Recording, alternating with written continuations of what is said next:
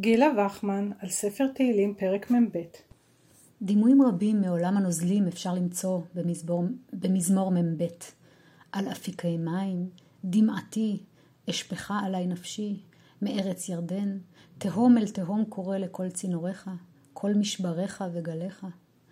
אבל יותר מכל זהו מזמור המבטא צמא גדול והשתוקקות אל מה שהיה ואיננו.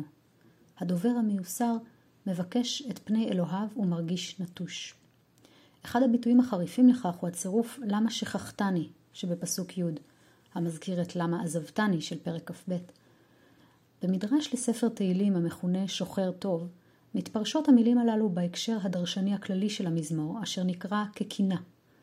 הפסוק אלה אזכרה ואשפכה עלי נפשי כאעבור בסך אדדם עד בית אלוהים בכל רינה ותודה המון חוגג, עומד במרכזה של סדרת דרשות המשווה בין ימי הזוהר של העלייה לרגל לבין מצוקות ההווה, לאחר החורבן ותחת שלטון האומות.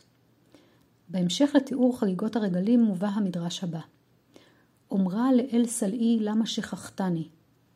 אותן שהיו במצרים לא עשו אלא מצווה אחת ויצאו בלילה. אני, שכל מצוות שנצטוויתי אני עושה, שמור את חודש האביב, ואני עושה בו את החג ומשמרת בו את הפסח, ועשית חג שבועות, חג הסוכות, ובעשור לחודש השביעי הזה, ואני עושה. מהו לחודש השביעי הזה, וכי יש חודש שביעי אחר? אלא שאתה אומר לי בכל שנה ושנה, בתשרי זה שיבוא אני גואלך. בא זה וגם אחר, ולא גאלתני. קריאה נואשת עולה ממדרש זה, קריאתה של כנסת ישראל המצפה לגאולה שנה אחר שנה, ותאכלתה נכזבת. ולנגד עינינו הופכים החגים ממועד של קרבת אלוהים למוקד של געגועים אליו.